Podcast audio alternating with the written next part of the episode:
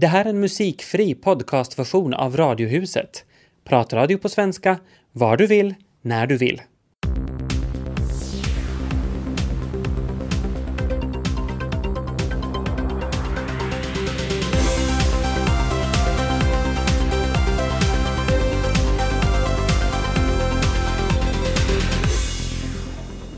Äntligen börjar den nya veckan på riktigt. Här är Radiohuset måndag. Vår tilltänkta gäst, kvinnan som startade herrklubb, har fått förhinder. Gäst i Radiohuset är istället sjukskötare Patrik Ekström som jobbar på ett privat vårdhem. Han berättar om den kritik och kontroll privata vårdaktörer utsätts för. Och så ska vi uppmärksamma grannen i norr. I Norge har de anledning att fira idag. Vi som firar är Tina Grönros i Ekenäs. Jag född 17 maj Mhm. och Tobias Larsson i Helsingfors. Inte Välkomna- född 17 maj. välkomna till er och välkommen till Robbie Williams. Tack Patrik Engström för att jag fick komma och hälsa på här på Villa Stella. Berätta nu, vad är det för ställe? Villa Stella är ett, ett serviceboende för äldre personer som då fungerar som, som ett hem och samtidigt då kan vi ge den hjälp i, i vardagen som, som våra boenden behöver.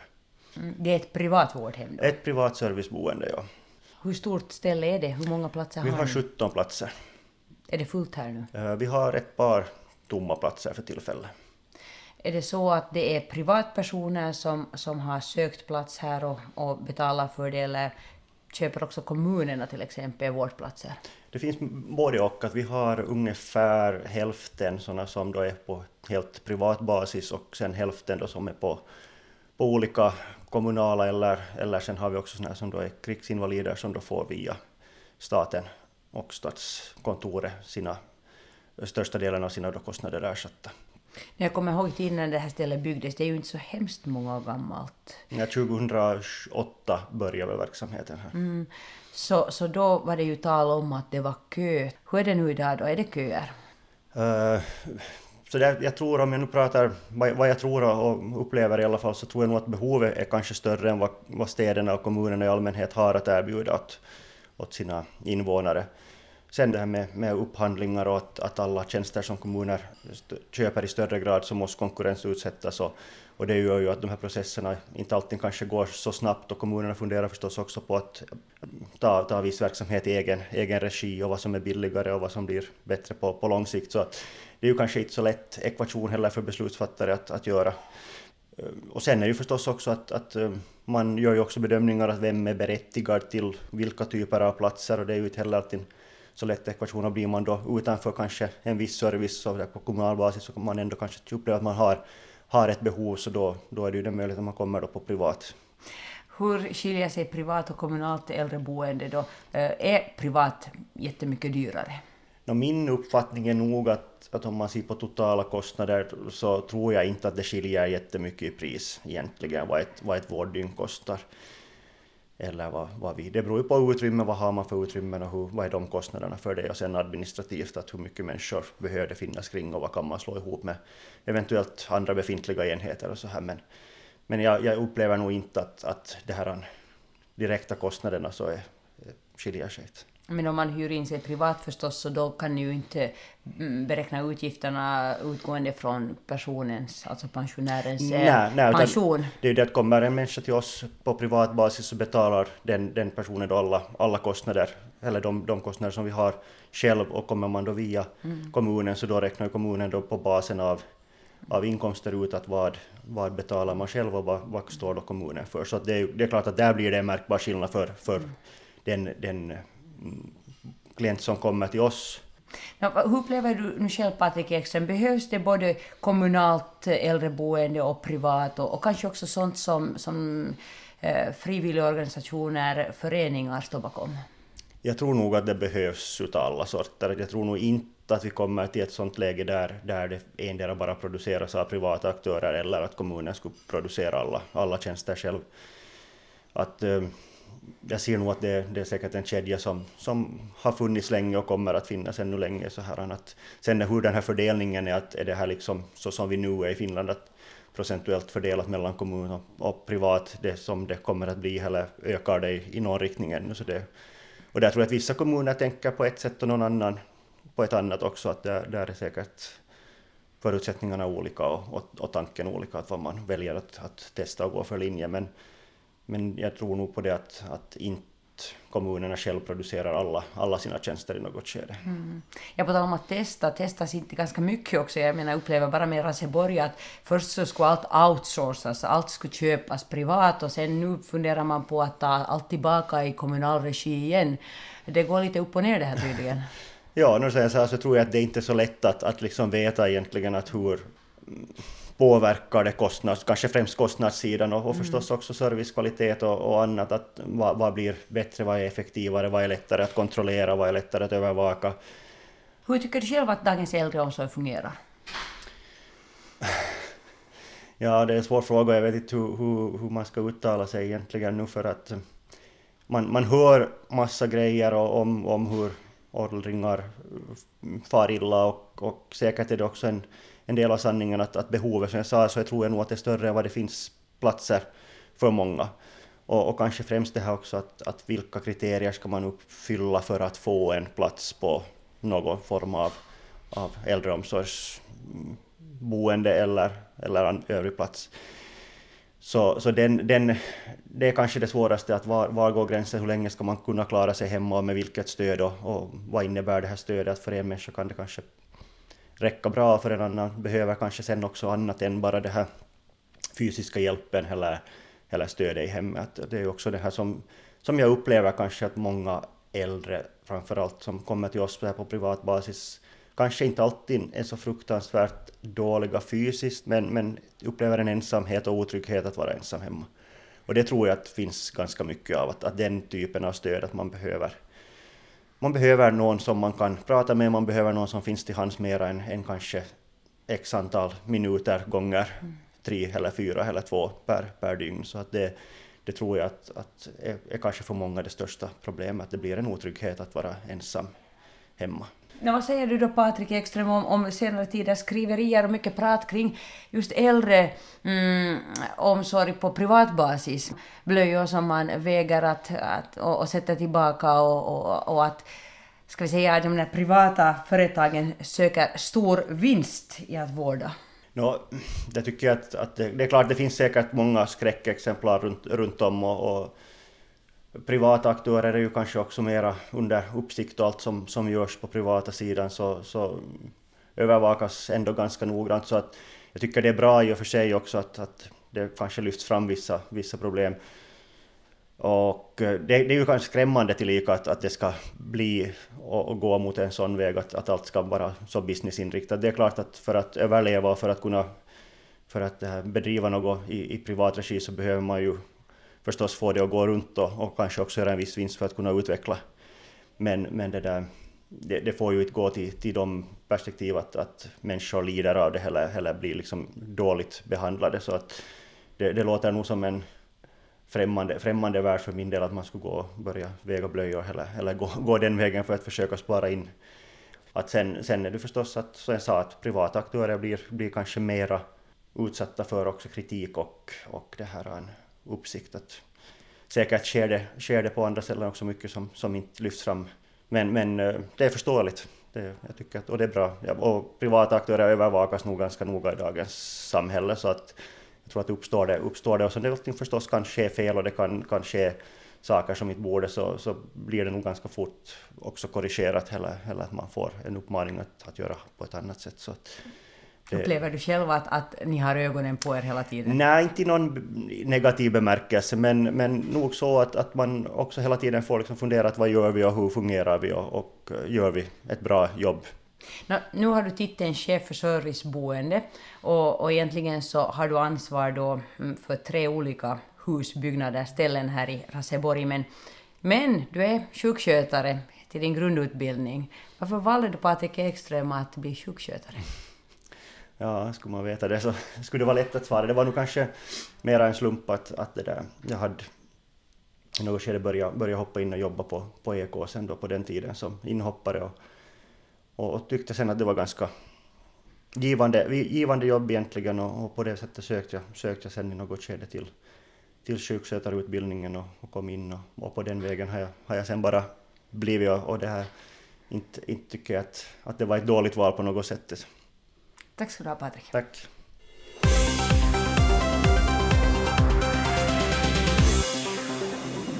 Idag vet du Tina, är det en stor dag i Norge. Mm. Har, jag, har jag läst. Eh, Statistikcentralen har nämligen räknat och räknat och, och funderat och fnulat och kommit fram till att idag borde befolkningsnivån i Norge passera 5 miljoner. Hipp Bra! Mm. Tro, troligen alltså, därför att man, man vet inte så noga. Det här är alltså en sifferexercis och man tror att det är så här. Hur eh, kan det vara så svårt? Men statistik är jättelångsam, därför att människor anmäler inte saker i tid. Eh, så Statistikcentralen kan inte veta helt.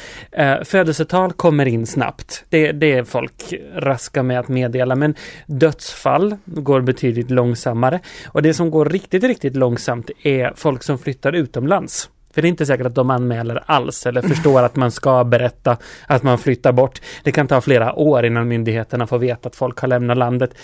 Så därför så går det sådär långsamt så.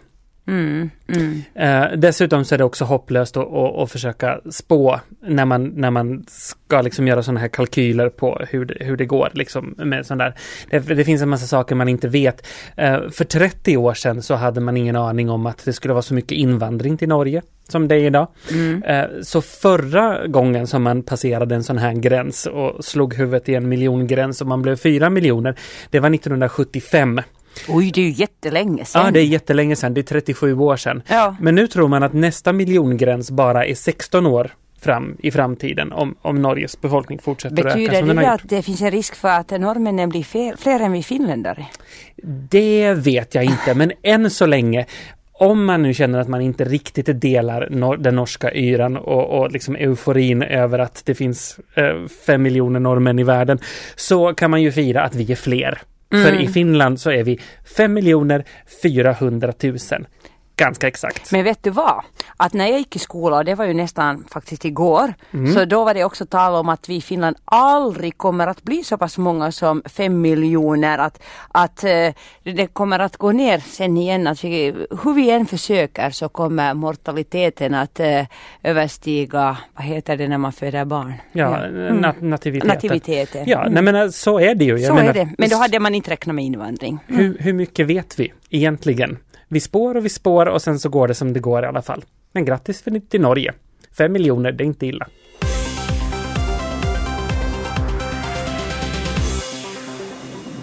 Jag läste i en blogg häromdagen om eh, mamman som inte var helt hundra på datumet när hennes barn är fött. Ja, hon vet ju såklart när barnet är fött, men inte så där rakt av bara. Hon blandar mellan datumet när barnet är fött och datumet när barnet var beräknat att födas och måste alltså tänka efter några sekunder för hon vet vilket som är det rätta. Jag drog en lättnadens suck när jag läste det. Yes, jag är inte den enda som måste tänka efter för jag kan säga datumet när mitt barn är fött. Och att komma ihåg personnumret, det kan man bara glömma.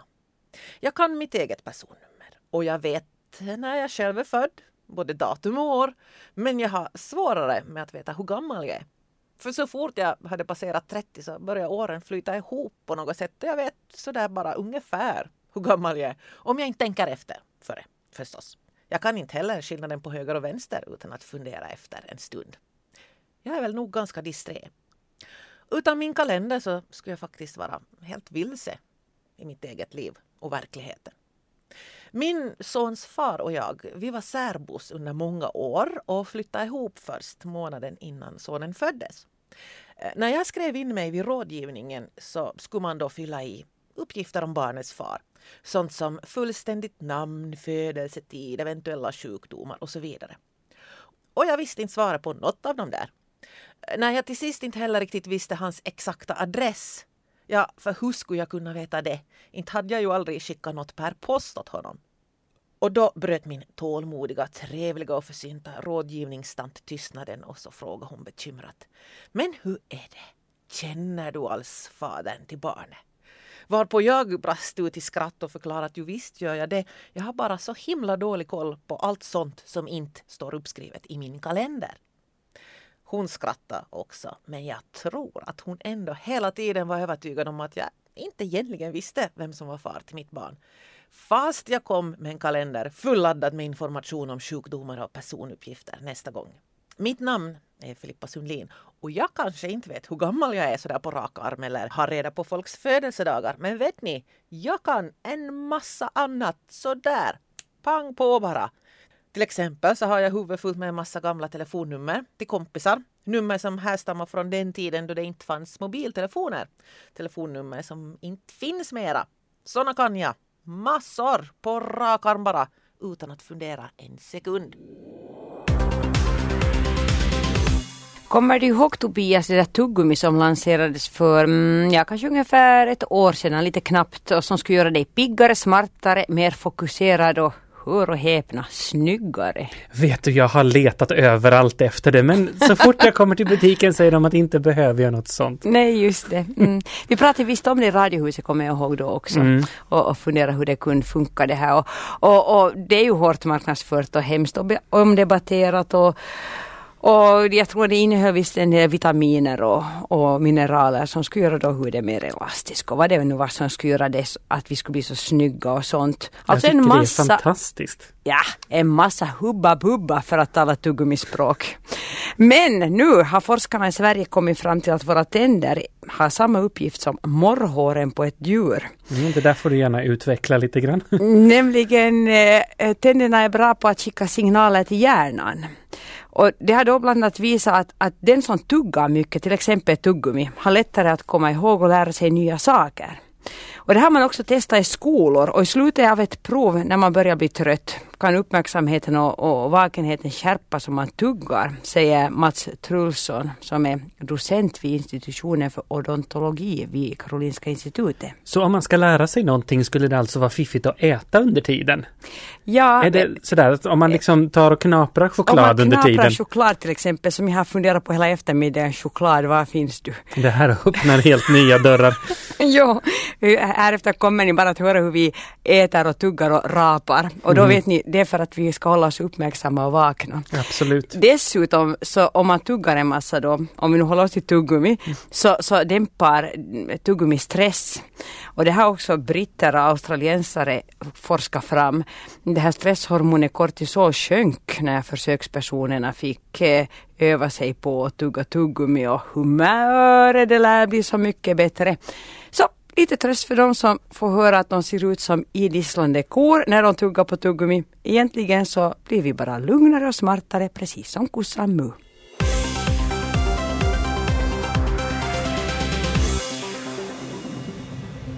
Idag börjar Tallinnborna omrösta i huruvida man ska göra kollektivtrafiken avgiftsfri för alla som bor i staden. Det är borgmästare Edgar Savisar som har lagt fram förslaget för att minska biltrafiken i centrum, göra det lättare för låginkomsttagare att röra sig. Nu ska befolkningen ta ställning till om det här är bra eller inte. I Mariehamn har man, har man redan avgiftsfri kollektivtrafik så vi ringde upp Kai Söderlund, infrastrukturdirektör på Mariehamns stad och frågade hur det kom sig att Mariehamn införde den här servicen. Vi införde avgiftsfri kollektivtrafik i början på 2000-talet och hade då haft en nedåtgående trend på antalet passagerare. Man gjorde två saker samtidigt eh, kring årsskiftet 1999-2000 och det ena var att införa avgiftsfri busstrafik och så ökade vi på antalet bussar och trafiken ganska kraftigt. Så att det var två åtgärder vi vidtog samtidigt. Och vad har det här betytt för stan då? No, det har ju betytt att antalet på och avstigningar, antalet passagerare som noteras så har stigit kraftigt från en nivå på just under 100 000 till över 300 000. Och sen har ju det också gjort det att när vi ökar på antalet bussar så har kostnader för busstrafiken har ökat riktigt kraftigt. Dessutom i senaste upphandlingen så la vi in miljökrav euro 4 på alla bussar så det höjde kostnaderna ytterligare men det var en miljöåtgärd i Mariehamn. Vem är det som betalar för det här då? No, I och med att det är avgiftsfritt så går allting på skattebetalarna i Mariehamn. Och vad tycker de om det då? Ja, de har ju röstat för det här i fullmäktige så på det sättet så har ju Mariehamnarna tyckt att det har varit bra.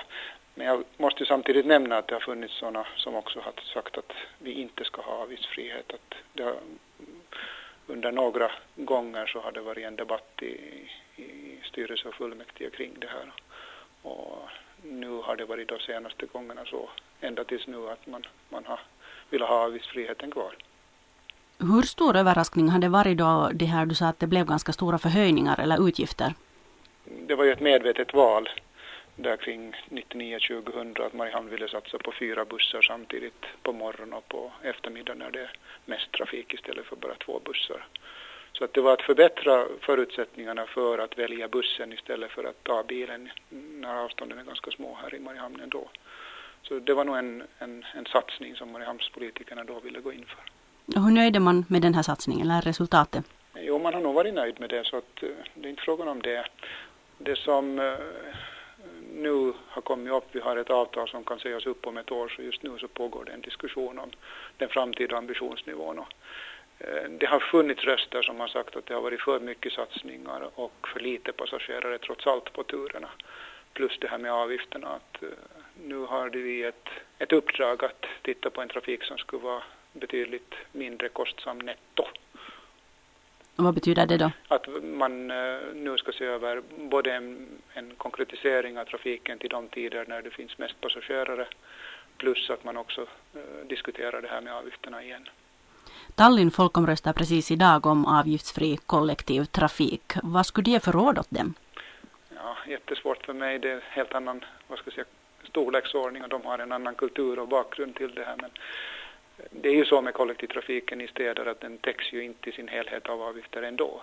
Så det där är ju en bedömning de då måste göra att vill de fortsätta ha avgifter eller, eller helt avgiftsfritt. Tar du bort avgifterna så kommer säkert antalet passagerare att öka och då kommer det också bli svårare att styra trafiken. Den erfarenheten har vi att det kanske blir lite onödig åkning som skulle vara borta om det skulle finnas avgifter. Att, och med en avgift så kan du alltid styra trafiken från, från kommunens sida. Så att, Samtidigt att busstrafiken är helt avgiftsfri så har ju varit hemskt eh, bra för, för det har varit enklare att ta bussen än att ta bilen och så vidare. Hur rör du dig själv i Mariehamn då? Ja, I min tur så jag cyklar oftast och, och då när jag behöver bilen så tar jag bilen. Så jag har sådana förutsättningar personligen att jag är mest cyklist och, och bilist. Tack Kaj Söderlund. Mm, tack så mycket. Och det var Ami Lassila som hade ringt upp infrastrukturdirektören på Mariehamns stad.